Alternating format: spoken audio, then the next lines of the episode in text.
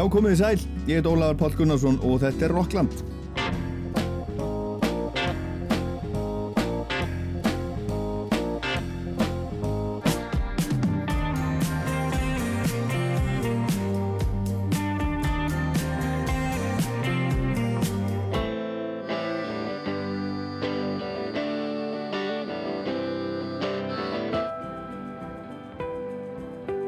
Þetta er fyrsti Rockland þátturinn eftir langt og gott sumafrí. Það er gott að vera í frí en það er líka gaman að vera komin aftur á sinn stað hérna síðdeis á sunnudögum og ég ætla að koma við svona hér og þar í þætturum í dag en aðalega þó á tveimur stöðum. Ég ætlaði að fjalla um nýju Iron Maiden plötuna í þessum þætti en ætlaði að geima það þangað til í næstu viku. Í setni hlutanum á eftir heyrum við í henni Svönu Gísladóttur sem er búin að vera að vinna náið með hljómsveitinni ABBA að endurkomunni sem að var gerð ofinberð fyrir umri viku með bladamannafundi í London og ABBA uppákomum víðum heim meðal annars hér á Íslandi í, í Sky Lagoon í Kópavóinum. Svana er skagakona sem er búin að búa í London í 24 ára og búin að gera ímislegt. Hún vann árum saman við að framleiða tónlistarmyndbönd og svona yfir því titluð Executive Producer og fyrsta myndbandið hennar var, var Can't Get You Out of My Head með Kylie Minogue. Og síðan hefur hún unnið að gera myndbanda sem executive producer yfir framleiðandi með Radiohead, Björk, Oasis, Sigur Rós, Coldplay, Rammstein, Adele, Rolling Stones og svo framvegis og svo framvegis. En hún ákvaði þegar hún var búin að vinna með David Bowie af síðustu myndböndunum hans Black Star og Lazarus sem, að, sem voru gerð þegar Bowie var orðin veikur og er rauninni degjandi eins og Svana vissi að hún ætlaði ekki að gera fleiri tónlistamindbönd eða, eða fleiri tónlistatengt verkefni og ætlaði að standa við það þanga til samstagsmaðurinnar Jóhann Renk sem að gerði til dæmis hann er sá sem að uh, gerði Tjernobyl sjónvastættina hann ringdi hana einn dag fyrir nokkrum árum og spurði hvort hún væri til í að skipta um skoðun og vinna með ABBA að verkefni sem að væri á frumstíi og ég raun ekkert nema hugmynd og hún sló til og er búin að vera nánasti samstagsmaður ABBA þessi fjögur ár sem liðin eru frá símtælinu góða. Og fyrir umri viku kom í ljós að það er ekki bara tíu laga ABBA-plata á leiðinni með nýjum lögum heldur er verið að setja upp ABBA tónleikasjó í London í nýri ABBA höll sem er verið að byggja. Og þar mun tölvu ABBA byrtast á sviðinu eins og séu ljóslefandi, ung ABBA og flytja sína helstu smelli með lífandi stóri hljómsveit sem verður með tölvu ABBA á sviðinu. Og, og svo Anna segir okkur frá þessu öllu hérna í setni hlutanum á eftir. En þetta er búið að vera leindarmál síðan, síðan Svana byrjaði að vinna með þeim. Og það hefur ekkert í rauninni spurst út um þetta í þessi fjögur ár sem að undirbúningurinn hefur verið í gangi. En við byrjum á henni Jólu sem að heitir Jólanda Claire Quartey. Hún er fætt 31. júli 1983 hún er alla jafna kölluð Jóla Jóla Carter og hún Jóla hlaut fjórar tilnefningar til Grammy-veluna síðast þegar þau voru afhend og þar á meðal í flokknum nýliði ásins hún er 38 ára gömul og svona byrjar nýjasta platan hennar Stand For Myself sem kom út núna í lók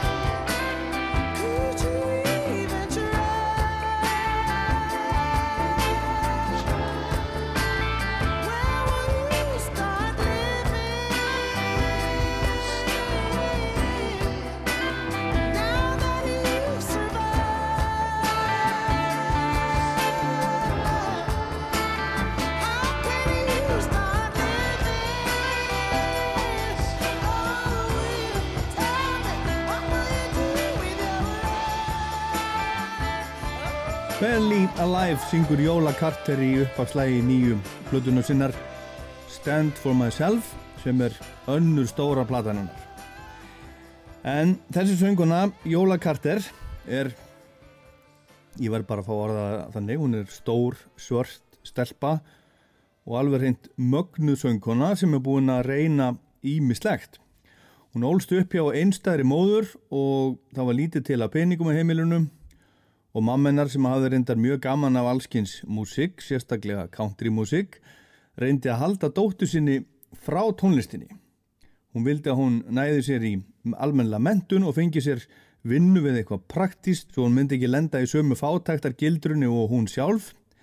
Jóla og hennar fólk hafði ekki efnaði að taka hennar sjensa en Jóla hlustaði ekki alveg á mömmu sína og tónlistin átti hugunar allan. Hún ólst upp í litla bænum Portishead á Englandi sem hljómsveitin Portishead er einmitt frá. Þetta er 25.000 manna bær og hún er búin að vera að syngja síðan hún var stelpa þó svo að hún sé fyrst að slá í, í, í gegn núna og hún söng til dæmis um tíma með Massive Attack en hætti þar fannst hún ekki passa þar inn eða fannst músíkin ekki henda sér. Hún reyndi fyrir sér í nokkur ári í London sem sönguna en flutti svo aftur heim á forna slóðir eða til Bristol sem er þarna rétt hjá Portishead og þar gekk hún til leysvilljómsveit sem að hétt Phantom Limb og gaf út tvær plötur meðan Jóla var í sveitinni.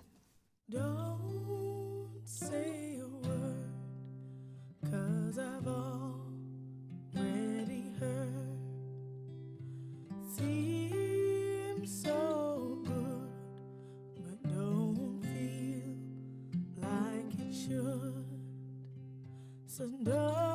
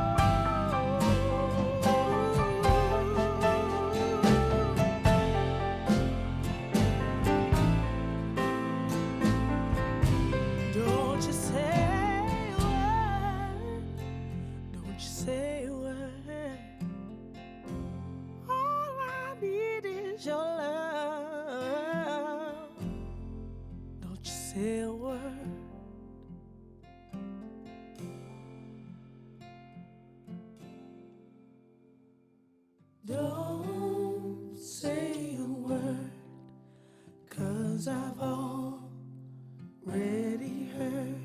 Þetta er flott, hérna syngur hún Jóla Carter. Maður segir Jóla, það er Öfsulon og L.A. Hérna syngur hún með gömlu hljómsveitinni sinni Phantom Limb. Þetta er uppháslag setni plötunar þeirra sem heitir einfallega Phantom Limb. En Jóla hætti í hljómsveitinni 2012 og svo mist hún mömmu sína ári síðar. Hún tók sér hlið frá, frá tónlistinni í dálitin tíma en fór svo að tróða upp ein með gítar og gaf svo út fyrstu EP-plötuna sína 2016, gaf hana út sjálf, hún heitir Orphan Offering, sexlaga plata og við skulum heyra lagafinni sem heitir Orphan Country.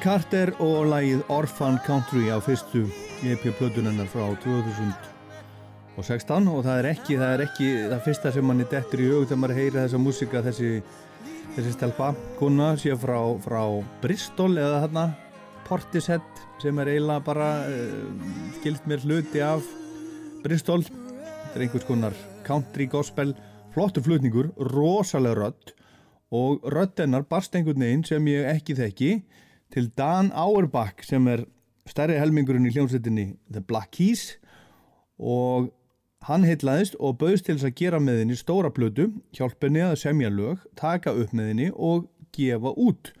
Og í februar 2019 kom út platan Walk Through Fire.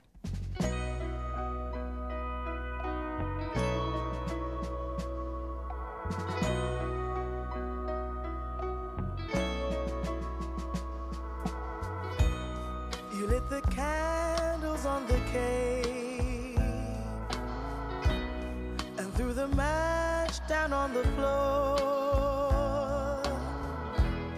Wish I knew what you were wishing for.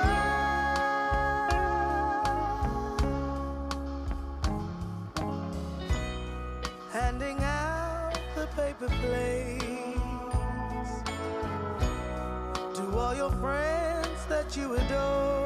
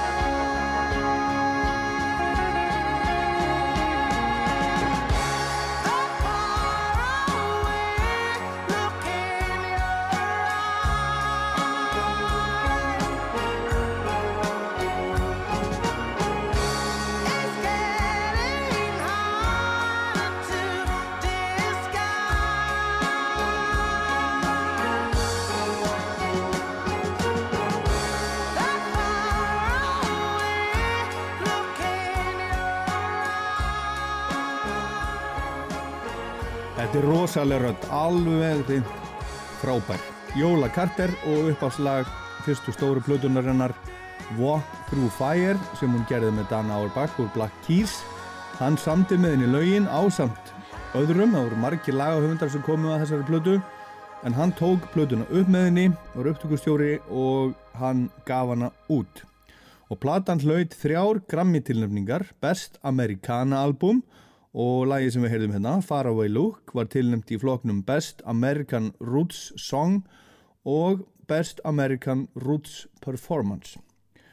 Og hún, eins og ég sagði, frá sj- sjáarbænum Portishead á Englandi. Og Jóla var líka tilnefnd sem, sem nýliði ásins á Grammy-velununum þarna þetta ár, en Billie Eilish fór heim með þá stittu. Platan heitir Walk Through Fire eða Gengið í gegnum eld en hún lendi akkurat í því hún Jóla. Hún þurfti að ganga í gegnum eldtaf. Það kviknaði í heimahjáðinni brann ofan henni og hún rétt slapp. Og í sérstöku upplægi plötunar eh, eru tvö aukalög og þannig er hún á Spotify til dæmis platan. Og annað þeirra er eftir Elton John sem er mikill aðdáðandi hennar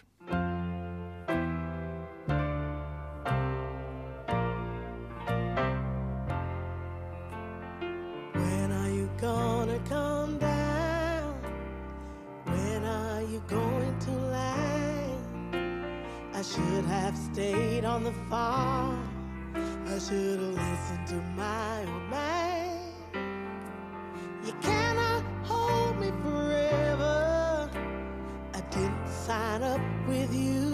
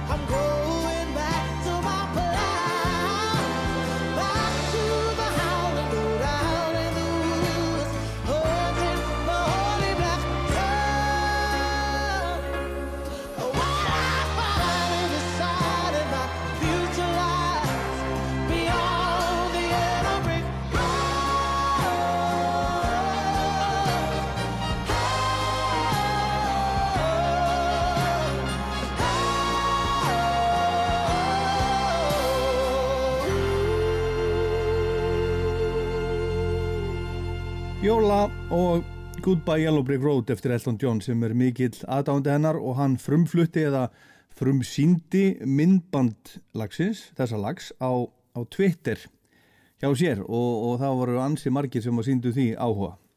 Og hún Jóla, hún kom fram á, á Newport Folk tónlistarháttíðinni 2019 og heitlaði þar alla upp úr skónum, kom þar til dæmis fram uh, sem uh, sérstakur gestur með kvenna country supergrúpunni The High Woman. En uh, það er hljómsveit sem eru í Brandi Carlyle, Natalie Hemby, Marin Morris og, og Amanda Shires. Og hún syngur með þeim í þessu lagi hérna sem við heyrum, heyrum næst. Og, og gaman að geta þess að, að Sheryl Crow syngur hérna bakrættir I was a high woman and a mother from my youth. For my children, I did what I had to do. My family left Honduras when they killed the Sandinistas. We followed a coyote through the dust of Mexico. Every one of them, except for me, survived, and I am still alive.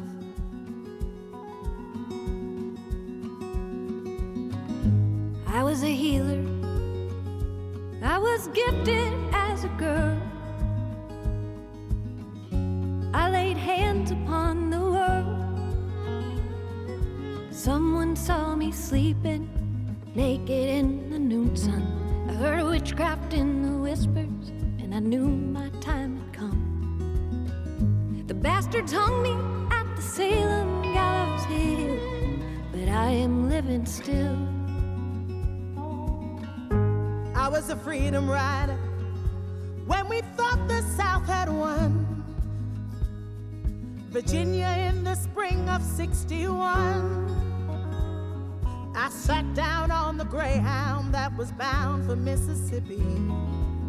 My mother asked me if that ride was worth my life. And where the shots rang out, I never heard the sound, but I am still around. And I'll take that ride again and again and again and again and again.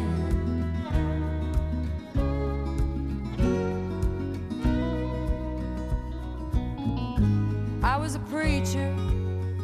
My heart broke for all the world.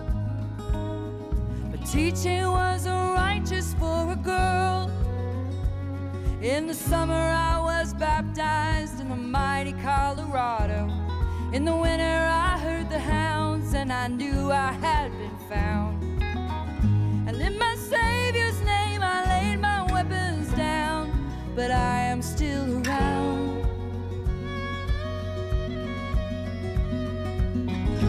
We're the highwaymen. We sing a story still untold. We carry the sons you can only hold. We are the daughters of the silent generations. You send our hearts to die alone in foreign nations. They may return to us as tiny drops of rain, but we will still remain. And we'll come back again again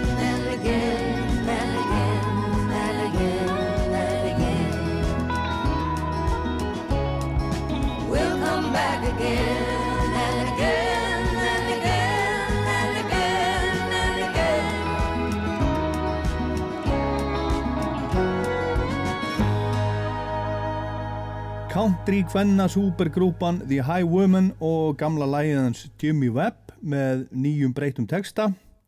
Og Jóla okkar Carter er gestasöngvari þarna í þessu lægi og þetta vakti mikla aðtigli þegar þetta kom út haustið 2019 og svo núna 30. júli í sumar kom önnur platan hennar Jólu út Stand For Myself. Og hún inniheldur lög sem hún var búin að vera að reyna að klára undanfarin þrjú ár. Og hún samdi lögin eins og á fyrir plötunni með Dan Auerbach úr Black Keys sem er allt í öllu meðinu, meðinni. En það er líka hellingur af, af öðru fólki sem lagði eitt og annað til lagasmíðana líka. Og platan var tekin upp í Nashville en þar býr Dan í dag og, og gerir út og, og kannski Jóla líka, ég uh, held að meira segja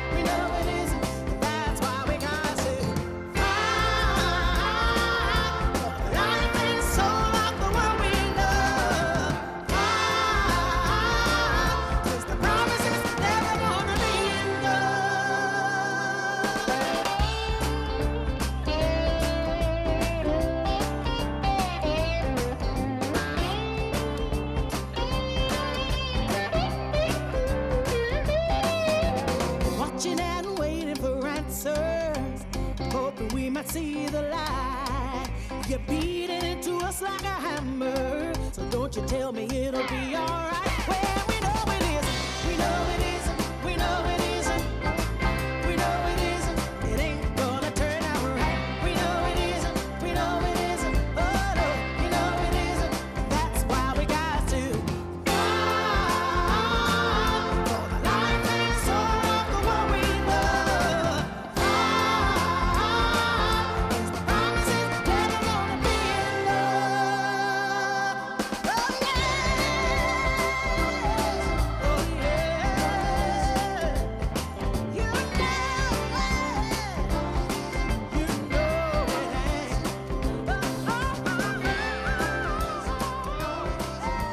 Þetta er skemmtilegt, sálar country eða, eða eitthvað svoleiðis, meira sól samt en country.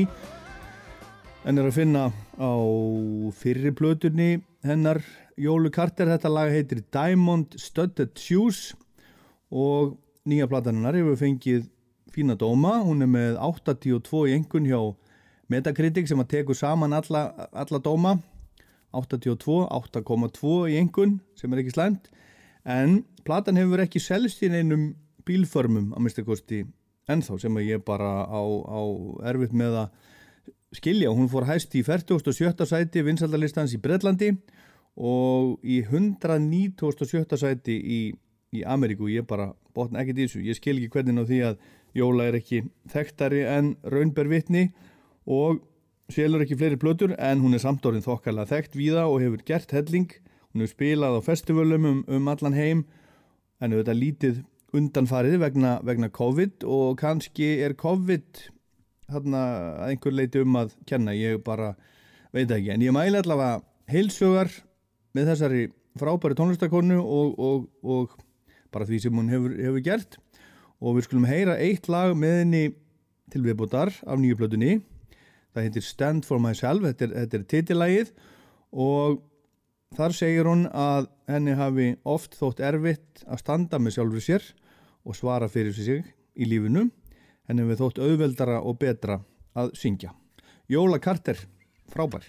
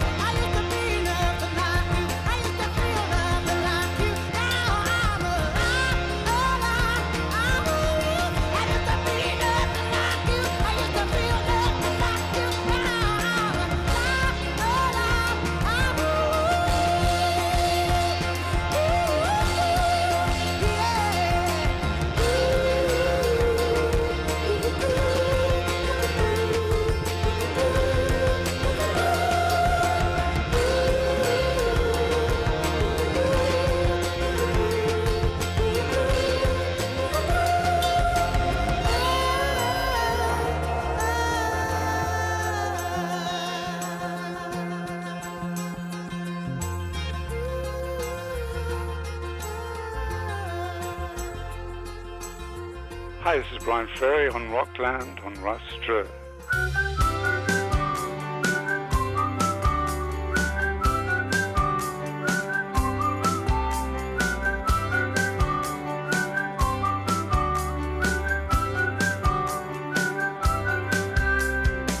Jumped out of bed this morning with a smile upon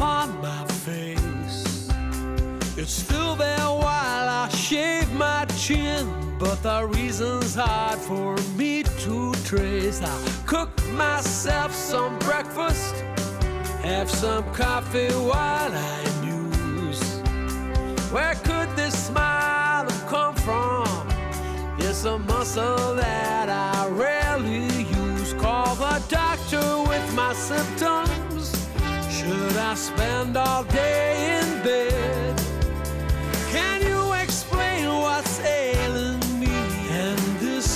What my doctor said. If it's love, it has no season. If it's love, there is no cure. If it's love, it won't see reason. And of this you can be sure. If it's love, you must surrender. If it's love that's turned you around. If it's love,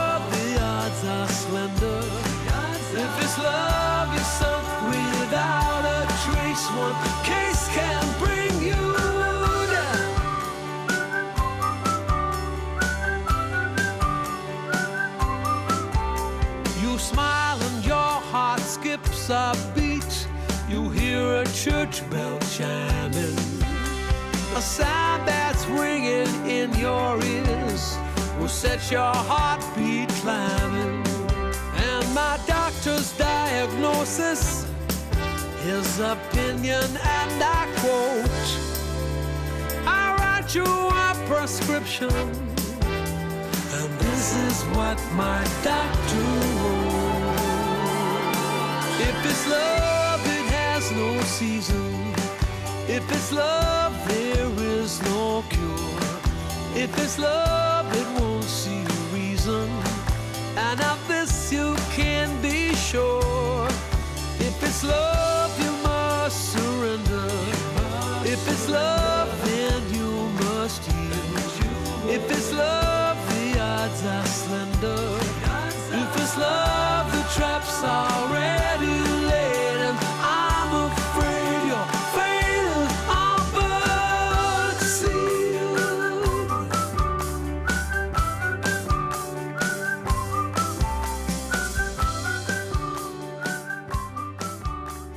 Þetta er eins og margir eflaust heyra. Sting. Og þetta er alveg splungu nýtt lag frá honum. Það heitir If It's Love. Og verður að finna á, á plötu sem að heitir The Bridge og kemur út 19. november og þetta er plata sem að, sem að Sting gerði núna í, í COVID. Og þetta eru alls konar lög segir hann. Þetta eru lög sem að eru svona, svona brýr á milli alls konar hluta lífs og dauða, milli fólks milli heimsfaraldra þetta er svona það sem að stingir að pæla þessari nýju plötu sem að heitir, heitir The Bridge en Damon Alban er líka að fara að senda frá sér nýja plötu, hún kemur út 12. november og hann byrjaði að vinna í þessari plötu fyrir tveimur árum og þá var þetta svona hugsað sem uh, eins og þau segja í útlöndum an orchestral project and live experience inspired by the landscapes of, of Iceland. Og úr þessu varð plata, hann ætlaði nú að vera með, með tónleika hérna bara í hitti fyrra fyrst og svo í fyrra og svo er alltaf verið að fresta þessu þar sem hann ætlar að spila þessa músík. Þetta er, er músík sem hann hefur samið og er undir áhrifum frá Íslandi og, og eitt lagið þarna heitir með þess að Esja. Og við skulum heyra nýjasta lagið sem Damon sendir frá sér eða hefur sendt frá sér af þessari vantarlegu blötu The Nearer the Fountain, More Pure the Stream Flows heitir hún. Þetta heitir Particles. When the night patterns the room and black sands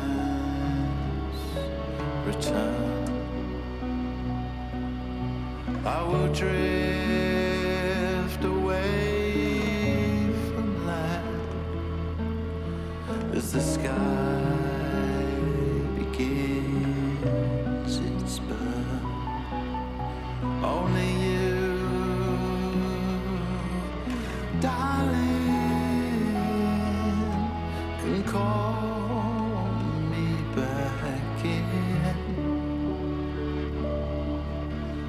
Particles are joyous as they alight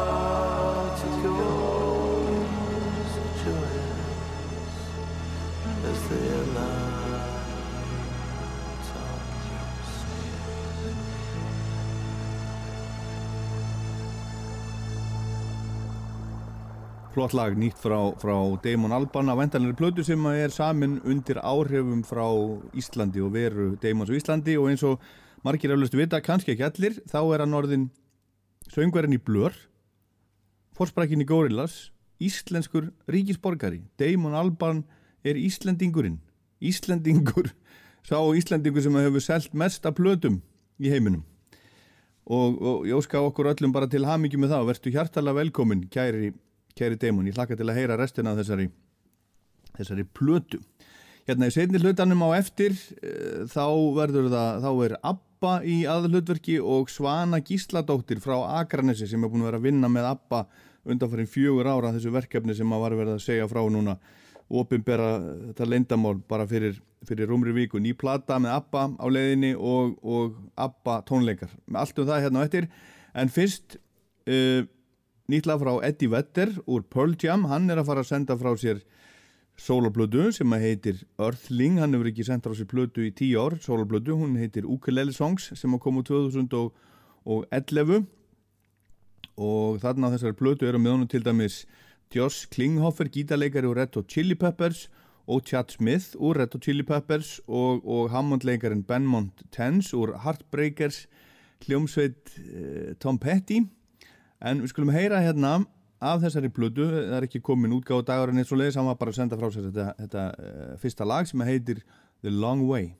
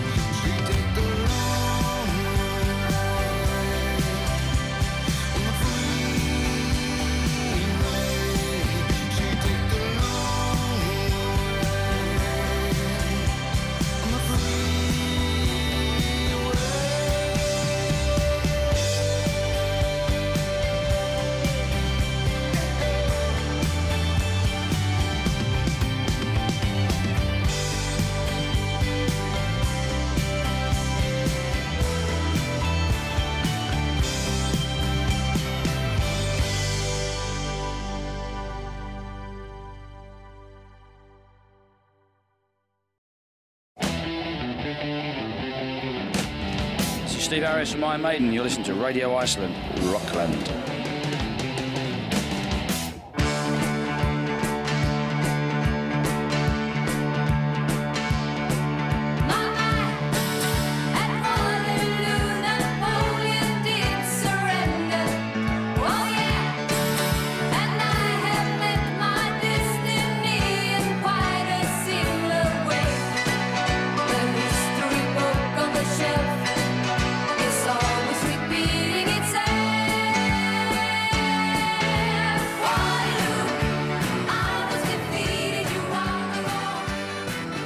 Já, þetta er Rockland á Rástvö. Ég heit Ólafur Pál Gunnarsson, fyrsti þáttur eftir, eftir sömafrí og það hefur líklega ekki farið fram hjá neinum að ABBA var að senda frá sér tvö ný lög núna fyrir rúmri viku.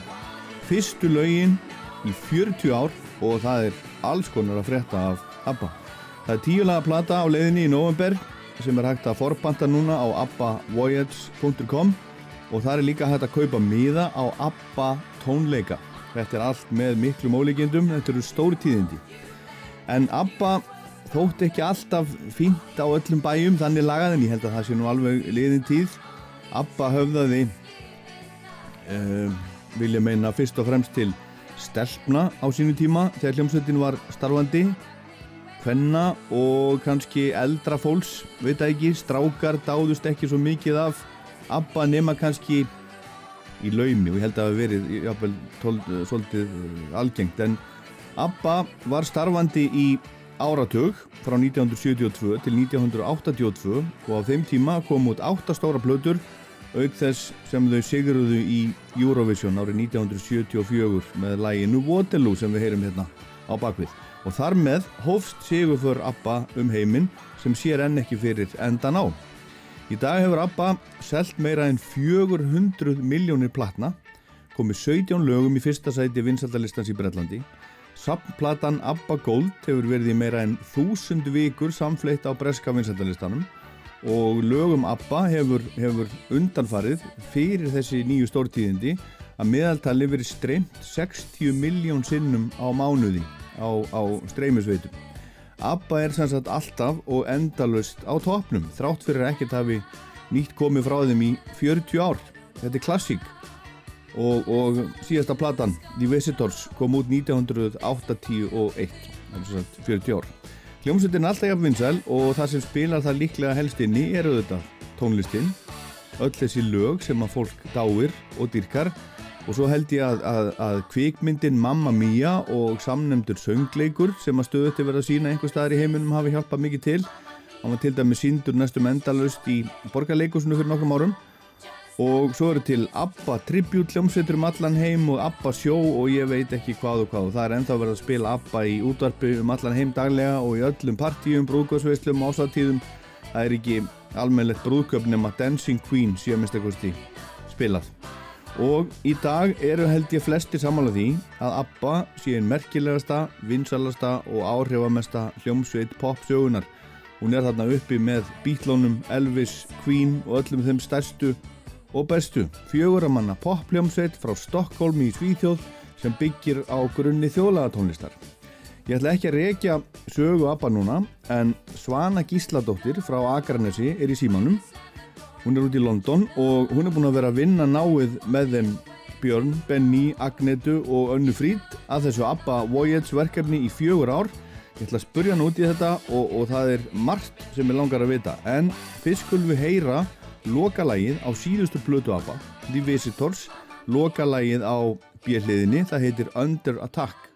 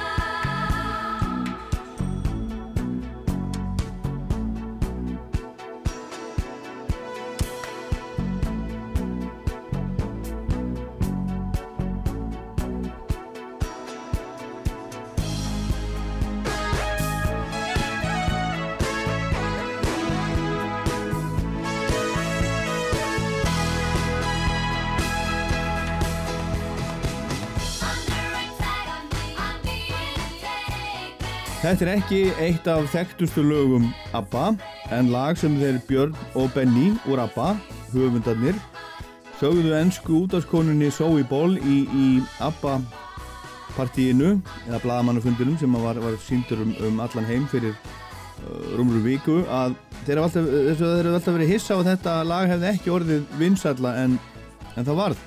En Zoe Ball fjölmjöla konan Breska hún, hún spjallaði við þá Björn og Benny í hálftíma í London þarna fyrir rúmur viku þegar komandi ABBA-ævintýri voru kynnt og það var sendt út beint um, um allan heim og bara sett í uh, að mistkosti tónlistar uh, fjölmjöla heimsins svolítið á, á hliðina en varst þú þarna Svana Gísladóttir?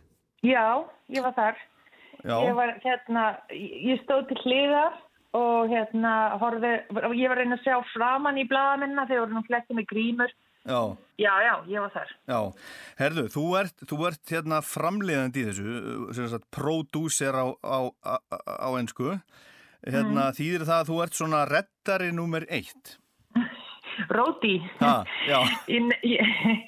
Nei, að vera framlegandi, ég er búin að vera framlegandi í, í mörg, mörg, í 20 og eitthvað ár, Já, já. síðan ég var þryggjára, grunlega, en hérna, það er framlegandi þýðir margt og, og mikið, en í þessu samhengi þýðir framlegandi það að ég uh, fór á fund með Benny, reynda bara Benny fyrir, uh, þetta var í júni 2017, Vá. en mæ 2017 og byrjaði þar, þannig ég er búin að setja þetta saman Já, frá byrjun. Og það sem gerist í svona ferli eins og allir sem að vinna í, í listsköpun, ef við höfum að kalla þetta listsköpun, vita að, að það er listferli. mhm. Þú ferð í ferli, þú ferð af stað og þú ferð hingað og þangað og snýr tilbaka og, og byrjar upp á nýtt. já. En, þe en þetta er búið að vera þitt, þitt aðalstarf, bara abba þitt aðalstarf undan farin ár. Já, Án þess að mig að segja nokkur um neitt. nei. Er það ekki erfitt? Ég, ég, ég, jú, það er erfitt að, að, að þú getur ímyndar að þetta sé svona eins og lest eða trukkur eða, eða fjall sem Já. að þarf að, að flytja eitt skref áfram á hverjum degi. Já, Þá er erfitt að flytja svona stórt verkefni áfram á þess að geta ta- sagt fólk hvað það er.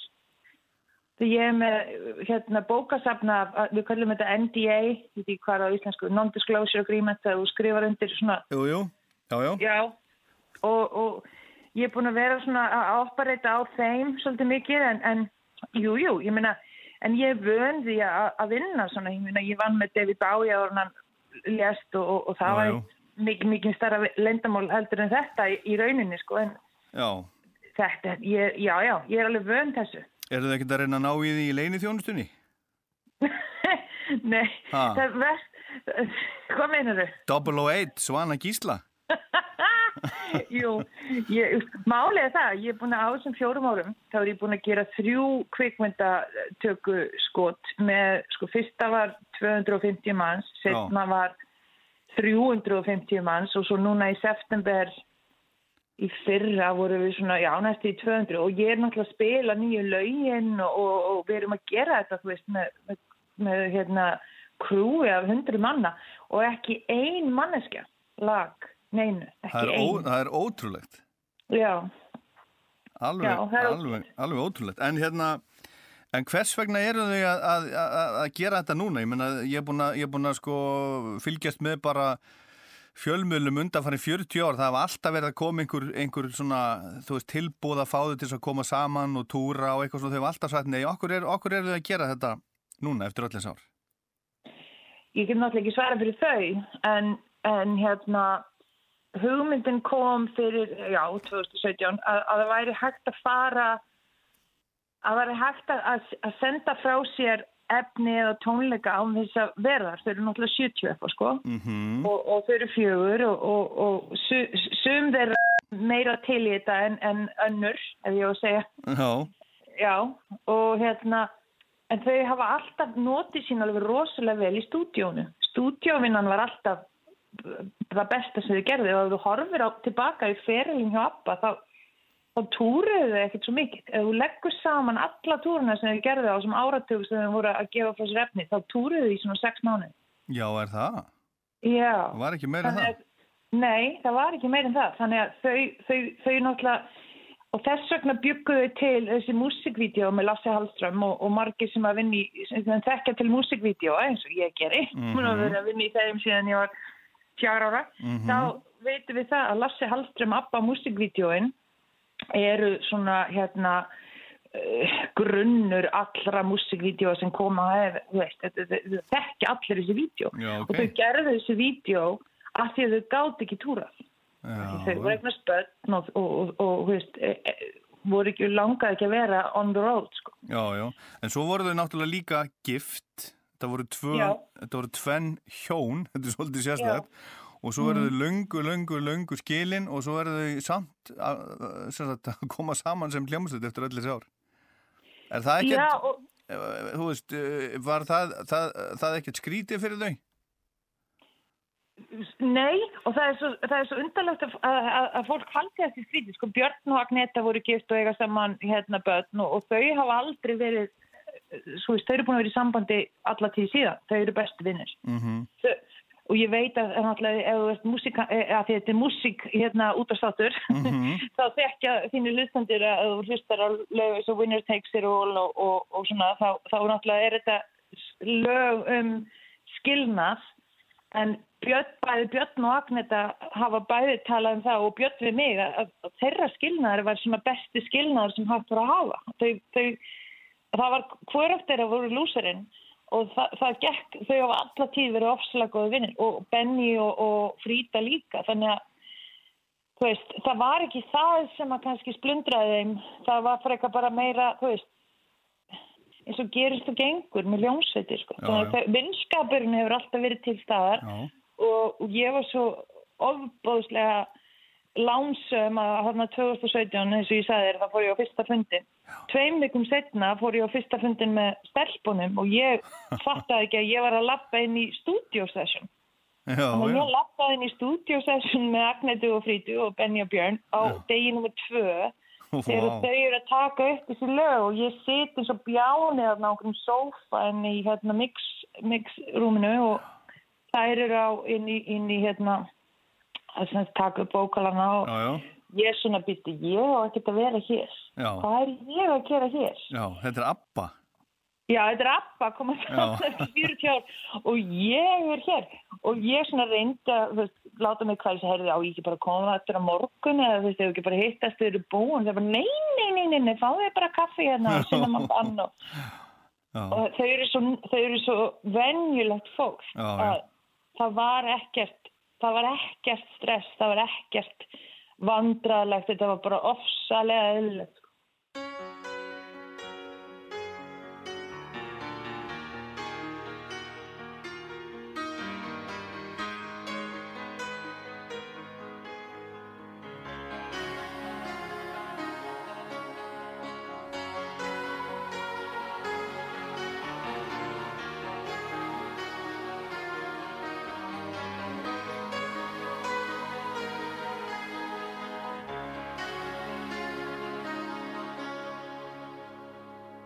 I don't wanna talk about things we've gone through. though it's hurting me. Now it's history. I played all my cards, and that's what you've done too. Nothing more to say, no more race to play. The winner takes it all, the loser standing small beside the victory.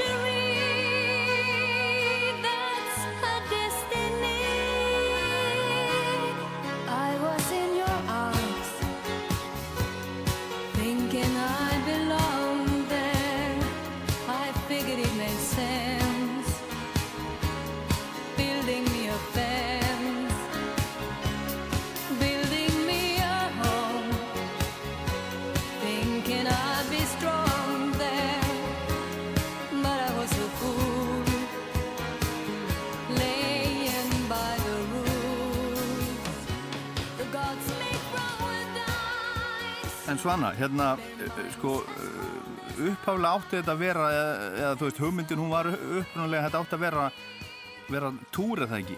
Túr og, og, og plata, eða, eða bara túr? bara túr, engin plata. Platan kom ekki fyrir en, platan kom ekki fyrir en bara núna bara fyrir rúmlega ári. Já, þetta átti að vera plata. Já, já, þetta átti bara að vera, þetta átti að vera, við vorum að, að skoða möguleika allir að tala um þetta hologram. Aha, Við erum ekkert að gera holograms. Holograms er þetta Peppa's Ghost, þú veist, þetta gamla magic trick þar sem þú setur sko 3D ímynd inn í einhver svona glas píramíta. já, já, Þú setur á sviðið, þetta er lit- lítið og það reyfist ekki neitt. já, Það, það er hundleðilegt og eftir þrjármyndur að því þá nennur ekki að horfa á það meira. Þannig að við parkum því, aha. við sagðir ég myndi sletta. Nú ertu farin að sjá eftir mér ekki. allir leið, allir leið. Þú ert búin að búa í London í 20 ár. Þér er 24. fyrirgefið, fyrirgefið, 24 ár.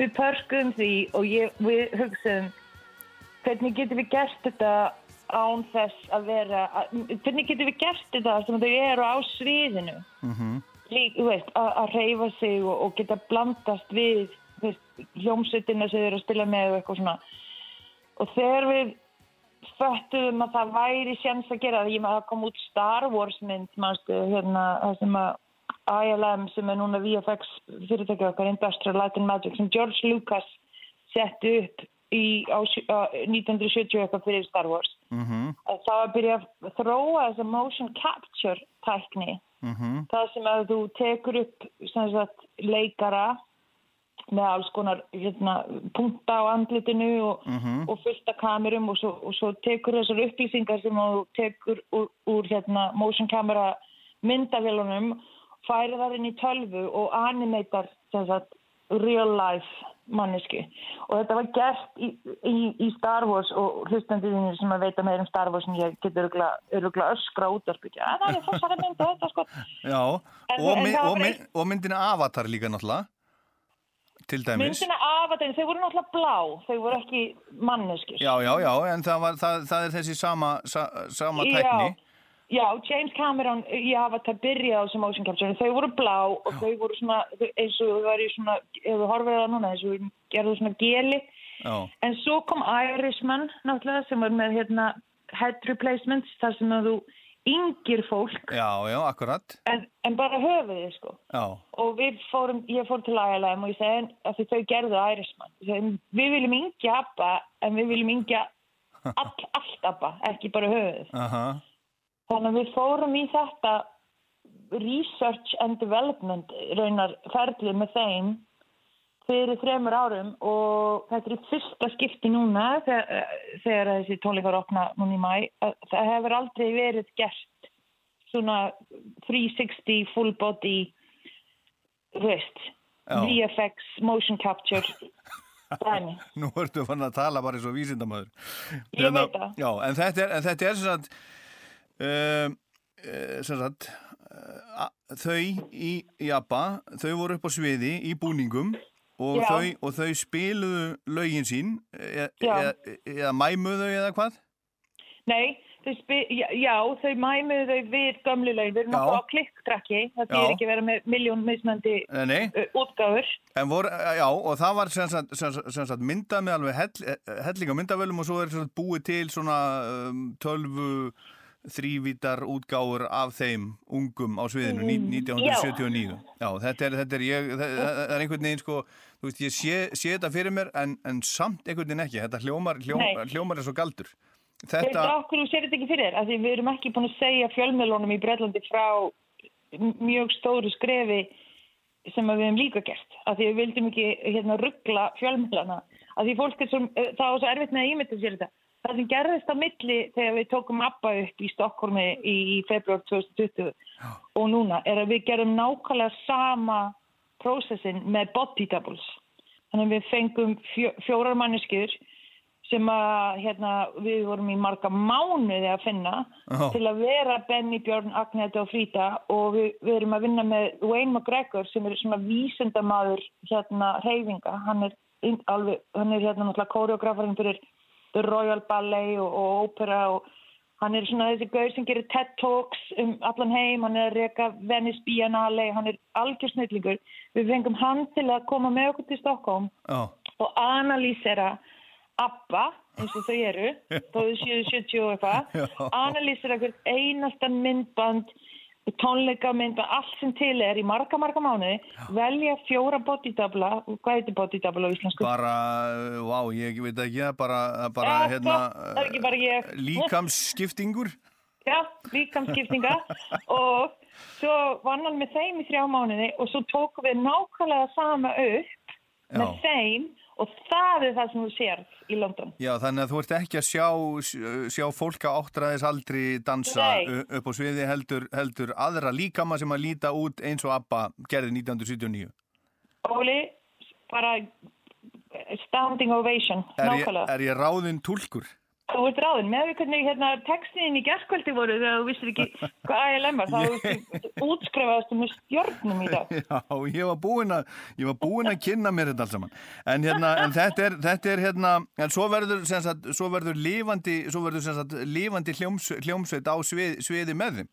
Já, ég, flottasta lifandi hljómsveit sem þú hefur nokkuð tíma séð, ekki bara lifandi hljómsveit. Við fengum hérna, gammal vinnu minn James Wrighton, gammal, hann er ekki gammal, uh, úr The Klaxons, Já, hann er æði, hann hérna, ég, ég þekki hann og lang, okkur langaði að, að finna bestu músikanta sem hægt er að finna í London sem Já. eru ekki þetta West End hérna, Musician Union þú veist, skilur þig? fólk heldur bara bara karakterar Mhm. og flottir músikantar sem að kannski nenni ekki lengur að vera túra sem eru að fregna spöld Mhm. eða sem eru nenni ekki að vera á þessu, þú veist, endalösa eitthvað. Mhm. En ég hringdi James og ég hitti hann og ég sagði, getur þú fundið tíu, eh, ég ætla reynda bara að finna átta Mm.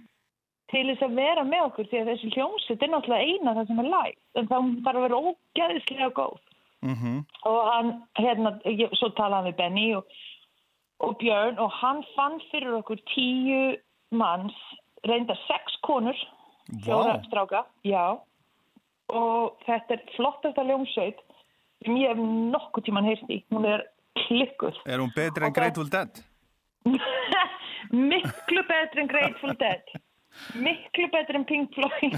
Já, það er ekkert en já, nei, þetta er, við erum með Little Boots á píanjónu, við erum með Dom John sem spila gítar með Paul Weller og Liam Gallagher og við erum með trommara sem er Bill, hún heitir Victoria við erum með alveg ofbóðslega flotta músikanta í þessari hljómsveit, En hérna, sko, já, svo, svo verður þetta í þessari, þessari höll sem að er verið að byggja í London. Heitur hún Abba höllin? hún heitir Abba Arena Abba Og- Arena? og- Já, og þetta eh, við, þarna er þetta 2018 eða eitthvað þegar við ákomum við gáðum ekki túra þetta Já. Og komið Benny Björn til London og við og þeir sögðu þetta var eitthvað svona dinner sem að gera og Benny segir við byggjum bara okkar eigin eh, hérna, tónleikahall Já, og allir yfir dinner og svona já, æðislega hugmynd.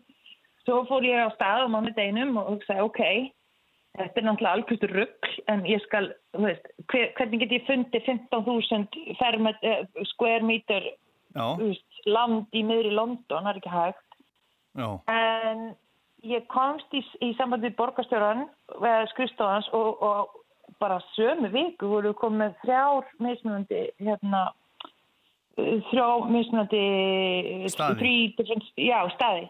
Já, og þessi var í Olympíu hérna garðinum. Já, og við erum að byggja það núna sem að En, en fólkið sko sem er búið að vera að vinna þar, að byggja þessa höll, hefur það ekkit vitað hvað það var að byggja? nei, Það er ekkit annað. nei, það var engin vita og, og ekki heldur fólki sem býr við hliðina á höllinni sem verið er að byggja. Nú, nú, það veit heldur ekki hvað það er verið að byggja. Það er enginn búin að vita þetta, ekki neitt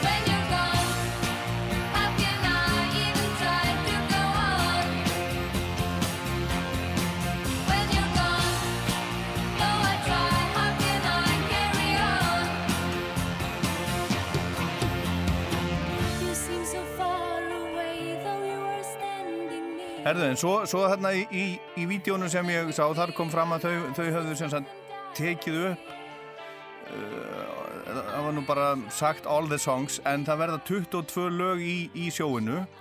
Er, uh, tókuðu upp 22 lög eða tókuðu upp öll lögin af plötunum sínum? Við tókum upp 25 tókuðu upp 25 lög. Já, þannig að það verður ekkert hægt að, hægt að skipta neitt út, þetta verður bara sama sjóið. Já þú veist, þannig séð er þetta sama sjóið. Um, þessi tækni þetta sem við erum að gera og þetta er óbáslega dýrt.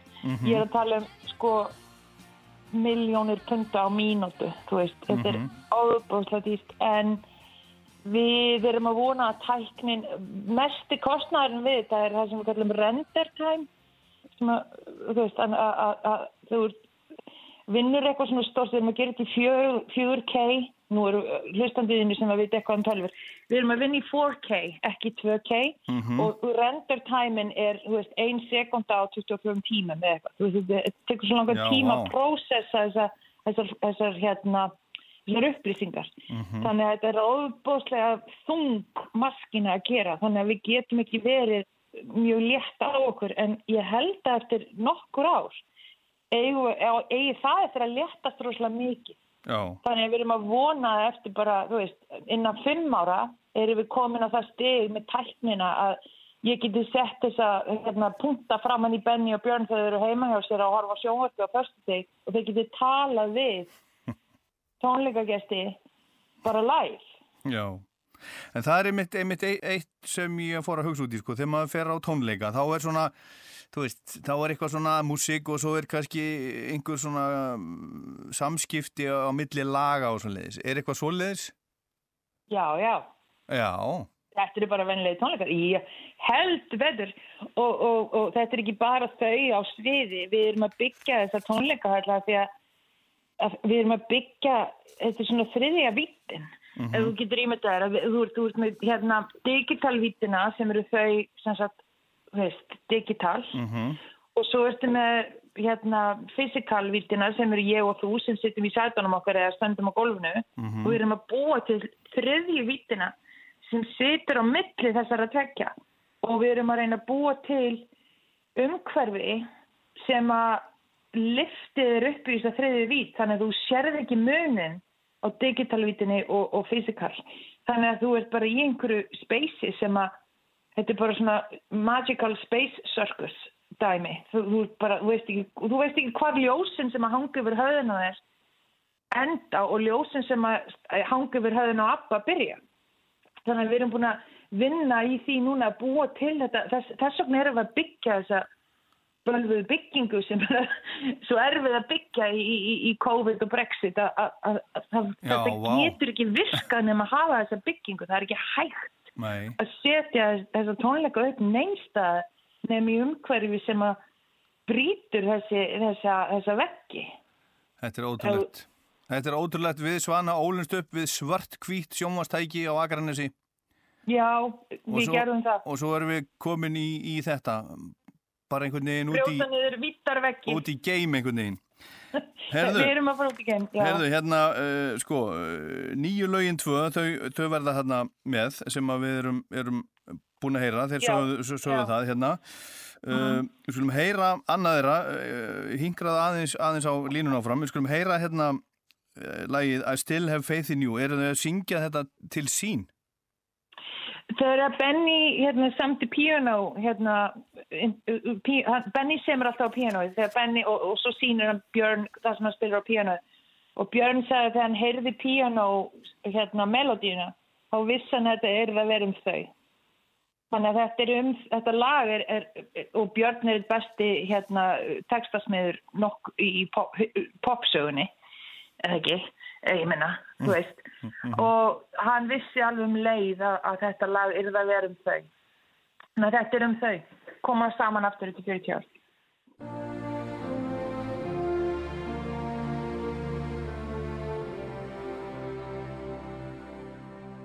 I still have faith in you. I see it now. Through all these years, that faith lives on. Somehow, there was a union of heart and mind the likes of which are rare and oh so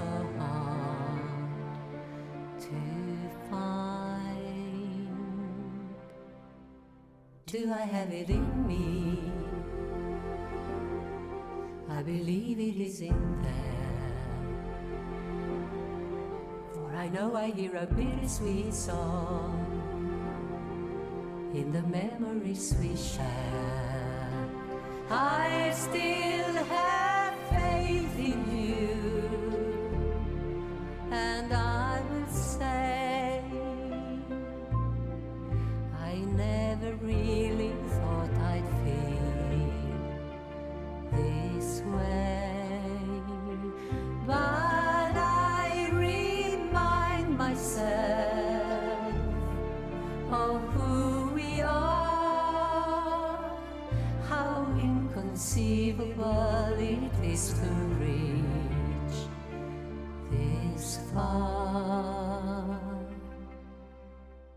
Do I have it in me?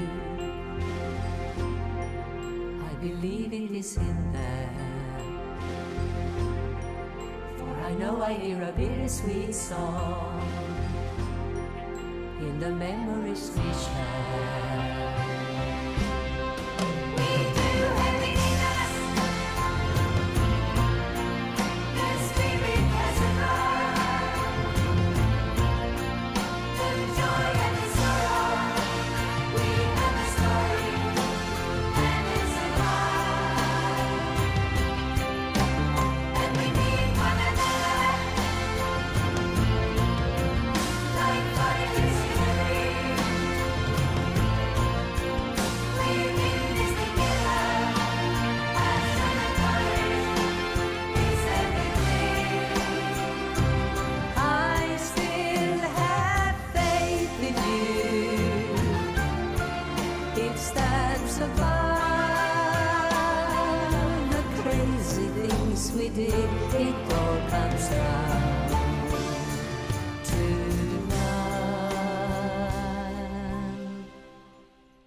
Have it in me? I believe it is in there. For I know I hear a bittersweet song in the memories we share. Do I have it in me?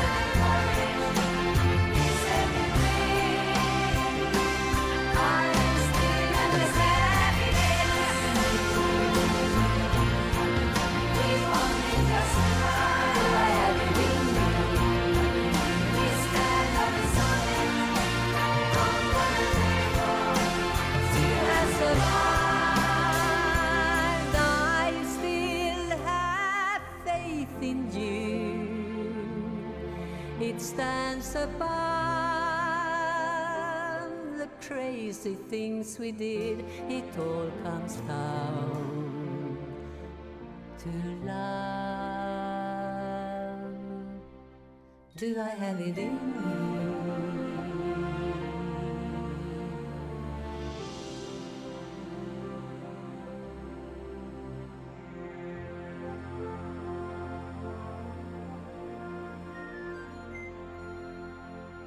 Þetta er annað af tveimur nýjum lögum frá, frá ABBA, já, það er bara þannig, eftir, eftir 40 ár, það heyrist vel að þetta er ABBA og, og uh, já, ég ætla að spurja þig hérna, voru þessi tvö lög kveikjana þessu Voyage verkefni, en, en þú er búin að segja auðvitað að það, uh, það kom, kom setna, Svana Gísla dóttir. En hérna, uh, uh, hvernig semja þér? Um, ég, sko, ég er ekki þeir, en yfirleitt eins og ég hef upplifið að semur Benny melodíuna á Já, og Benny semur okkur um einastu deg er og hefur alltaf gert, já, já. Á hann þá, þá ekki alveg hell, hellinga lögum? hann á alveg hellinga lögum og hann er líka, hann er í svona hérna fólk hljómsveit í Já, og hann spilar rosalega mikið á hérna harmoniku og, og hann, hann Benny hefur aldrei hægt að spila tónlist í þessu 40 árun, hann er búin að spila og spila og spila þó hann sé ekki að spila ég fór, ég fór í heimsótt til hans í mitt, svíjar haldi på midsommar Mhm. í júni á hverju ári og fyrir tveimur árum þá fór ég heim til hans og sonur hans Ludvig sem að er að framleita með mér og og ég mætti og þá var Benny stáða hann upp í einhverju hæð, þannig einhverjum skói með fullt af fólki kringum sig og, og spilaði á harmoniku og stóð fyrir fjöldasöng hann, hann, hann, er, hann er svona músikant sem að hættir aldrei að spila og semja músík nei, nei, nei, hann nei. hefur reyndar, þannig að þegar hann ákvað að semja fyrir ABBA þá hann, hann samti fullt, fullt, fullt af lögum en, en svo tók hann það sem hann helt væri gott Mm. og svo gefur hann það til Björn og, og Björn náttúrulega býr til þessa ótrúlegu texta sem hann gerir og, og svo vinna þeir saman og ákveða hvað er gott og ekki gott.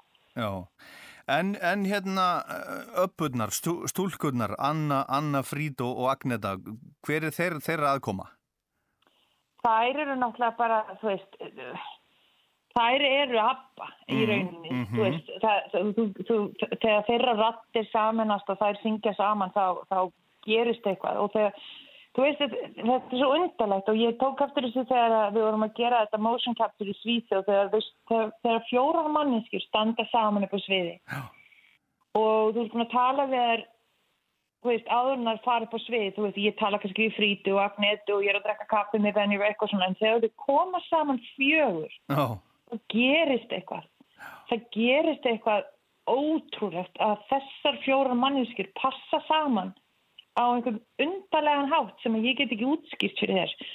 Ekki bara músíklega, heldur líka bara orkulega, að þau eru alveg ótrúleg. Þau einhvern veginn eru svo púlskjöspil sem passa saman og Agneta og Fríta eru ofbóðslega flottir músikantar, það er sjálfa sko, þó er semja kannski ekki lögin en Mhm. það eru vita nákvæmlega hvað er að gera við þessi lög mhm.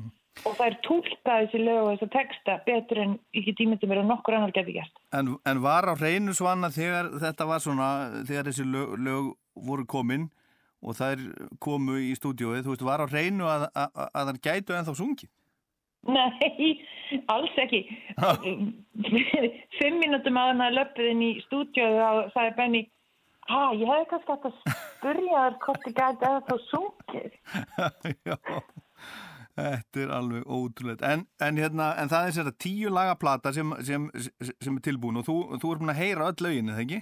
Jú, ég er búin að heyra all lögin og, og reyndir gær sendi Björn mér plötuna, ég vissi ekki hver, í hvað röð lögin myndi koma Já. og hann sendi mér hann alla í gær og ég hlusta á hann í gærskvöldi og, og hérna, Er, þetta, er, þetta, gott, gott stöf? þetta er bara indislegt. Þetta eru 70, og- þetta er indislegt, þetta er bara svona, þú veist, ég elska þetta fólk náttúrulega núna, þetta, þetta er bara hluta mínu lífi en að koma svona fram eftir ferilin sem þau hafa átt og, og leggja eitthvað svona fram á, á borðið eins og við vitum við, við búum í svo ofsalega krítisku samfélagi þar sem allir eru að dæma alla veist, það var ekki til Twitter og social media eða neitt fyrir, það var ekki eins og til internet veist, fyrir 40 árum. Að vera að koma svona aftur úr, úr hérna, eftirlauna out of retirement og leggja svona fram fyrir fólk Já. ég er bara dáist að þeim og eru, þetta er gert með svo miklum kærleik og, og, og örlæti og, og einlægni að ég vona að, að gaggrinendunir sem að eftir að, að, að hakki þetta, þú veist, ég vona að þetta sé tekið eins og þetta var framleik. Já, ég, ég, ég skil þig. Og, og, og platan kemur út uh, 15. november og hún, hún heitir, heitir sagt Voyage, eða ekki? Þetta eins. Já, Hérna, og og uh, þeir töluðu um hérna á bladamannafundurum að það var jólalag, er þess að jólalag á, á plötunni? jólalagið er æðislegt. Mm Jólalagið fær mitt íslenska hjarta bara, þetta er, þetta er, við erum helst, ég er að reyna að pæla í vídeo fyrir þetta lag núna í ögnablikinu. Þetta er svona, já, þetta er indislegt lag. Æ, þetta verður eitt, eitt mitt uppáhalds jólalag. já, þannig að við erum að tala um að það verði á toppnum á, á vinsaldalistum heimsins um jólinn. Þú sér þetta nefnilega það sem við erum ekki alveg að fatta. Það vilja allir að abba sín nummer eitt og eitthvað svona. Við, það er enginn að pæli því hér. Nei, nei, en þetta verður, verður allt nummer eitt, þetta, þetta er bara, þetta er svo vinsalt, sko.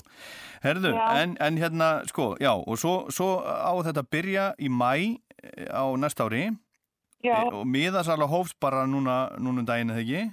jú, að mannudaginn. Og, og, og er ekki allt uppselt? Nei, nei, Nú? við erum búin að selja, nei, við erum náttúrulega verðum í London bara í langan tíma. Já, já, búin að 30 ár. selja- Já, við erum búin að selja, ég voni sér svona segi ég þér alltaf allt, Óli minna, ég er búin að þekka þið síðan ég var 15 ára Já, já. og, og, og vann með bróðunum í Skaganesti árið 1990, þá blara ég allt frá mér. Við erum búin að selja 270.000 miða síðan á mánudaginn, Já, en það er ekkit uppsvöld, þú getur fengið miða bara hvernig sem þú vilt, já, já, já. En, en þetta er náttúrulega, þetta er bara, sem sagt, verður bara svona ongoing show bara, bara alla daga vikunur eða hvað? Mm, nei, ég myndi segja við erum kannski í London í ár eða rómlega ár til að byrja með.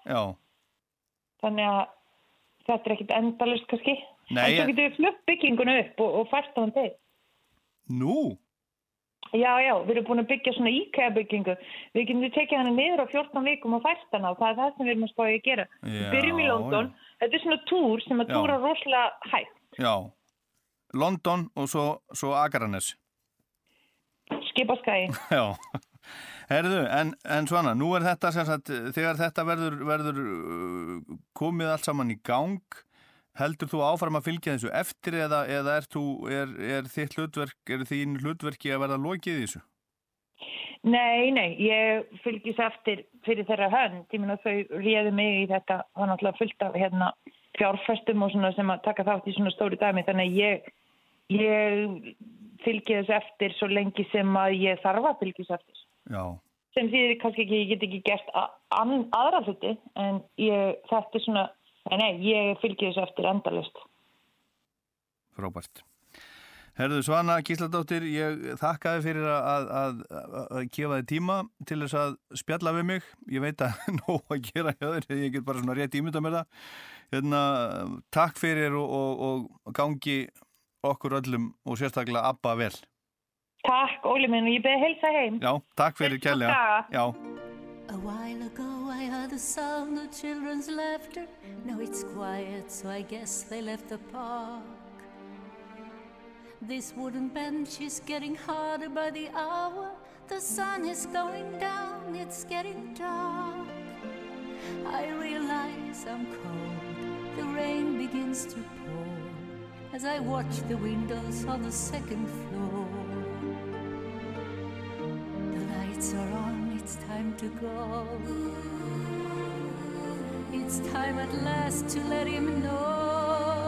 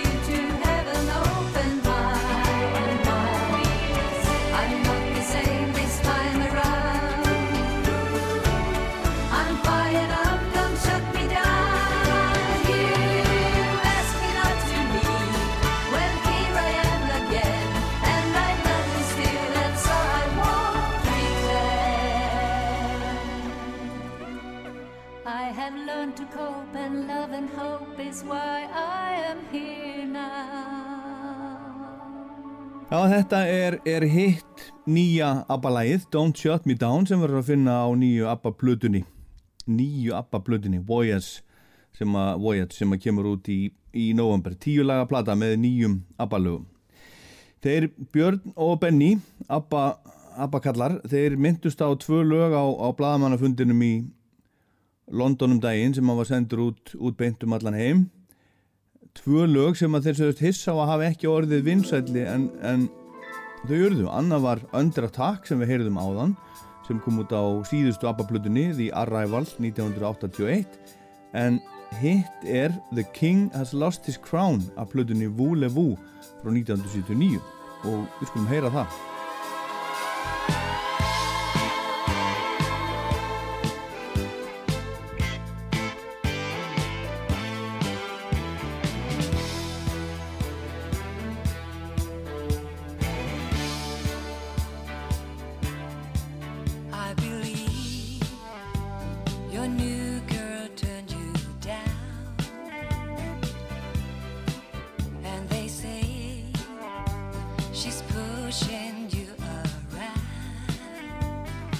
How does it feel?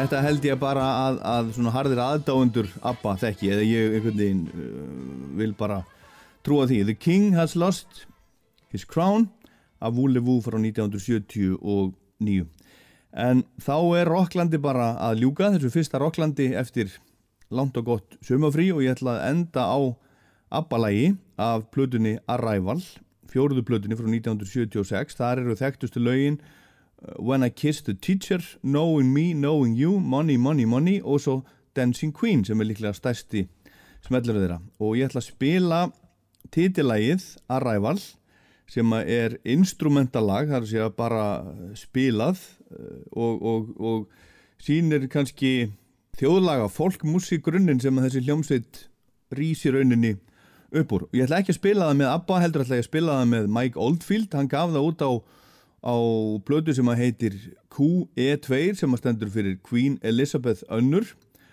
árið 1980 það eru, það eru tvö coverlög hérna á þessar blödu hjá honum sem, að- sem að seldist mjög vel, það er Wonderful Land, eh, gamla Shadows-lægið og svo þetta Arrival eftir þá Björn og Benny úr ABBA. En þetta var Rockland, ég minni á Rockland á netinu, það er út um allt, þið getur hlustað á, á gamla Rocklandsþætti á netinu í rúf spilaránum, þið getur farið á Spotify og slegiðin Rockland, þá fáið fullt af, af þáttum af, aftur í tíman sem að þið getið hlustað á. Ég, ég hveti ykkur sjálfsögðum til þess, ég getið hlustað bara þar sem að ykkur hendar og svo vil ég minna á Rockland mæli með lagalistan sem ég uppfæri í hverju mánuði, hann er á Spotify. Endilega tjekkja á honum og, og smelliði einu, einu like, smelliði á, á hjartað, fylgið listanum. Ég heit Ólaður Pál Gunnarsson, takk fyrir að hlusta.